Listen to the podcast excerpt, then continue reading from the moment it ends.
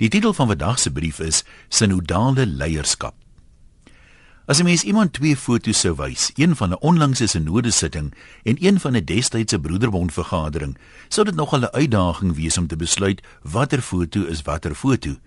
Beide bestaan uit ou oomies wat vaderig aangetrek is en duidelik onder die indruk is van die erns van die geleentheid.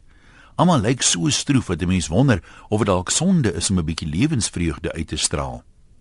Dit wat jy nie op die foto sien nie is net so opvallend. Dit lyk by oog af of ware ouderdomsperk geld. Hoekom anders sukkel jy so om iewers 'n gesig van jonger as 60 jaar raak te sien? Natuurlik ons leierskap 'n groot komponent van ondervinding.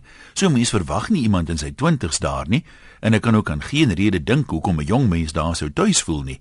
Maar dan moet darm tog 'n paar leiers van môre wees wat iewers in hulle 40's kan terugkyk op so 20 jaar se ondervinding of hoe?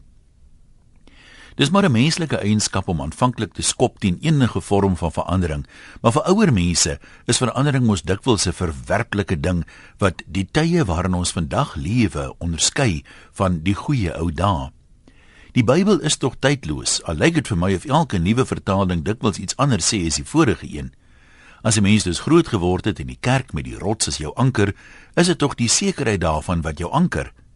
Vir sulke mense is dit stresvol as daar nou skielik vrae gevra word oor gebruike waarmee hulle meer as 'n halfuur saamleef. En is net menslik dat sulke vrae ten daardie agtergrond beantwoord sal word. Die skrif het tog nie verander nie. So hoekom moet iets in die kerk dan verander?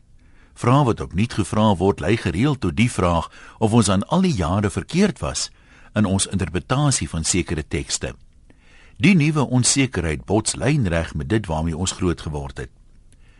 Tree met enige iemand in debat oor haas enige iets en die enigste ding waarvan jy seker kan wees is dat elkeen dit wat hy glo sal verdedig met alles wat hy het.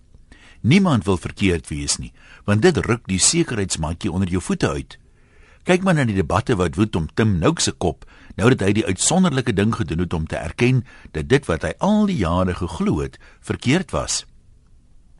Die vraag wat my egter altyd pla van synode sittings is dit: Almal daar glo dat hulle leiding van bo ontvang om die regte besluite te neem vir God se kerk. Selde word iets egter eenparig aanvaar. Vir elke voorstel is daar meestal teenstemme. Tot die mate dat daar dikwels dan ter wille van die vrede en die gewaande harmonie geen besluit geneem word nie.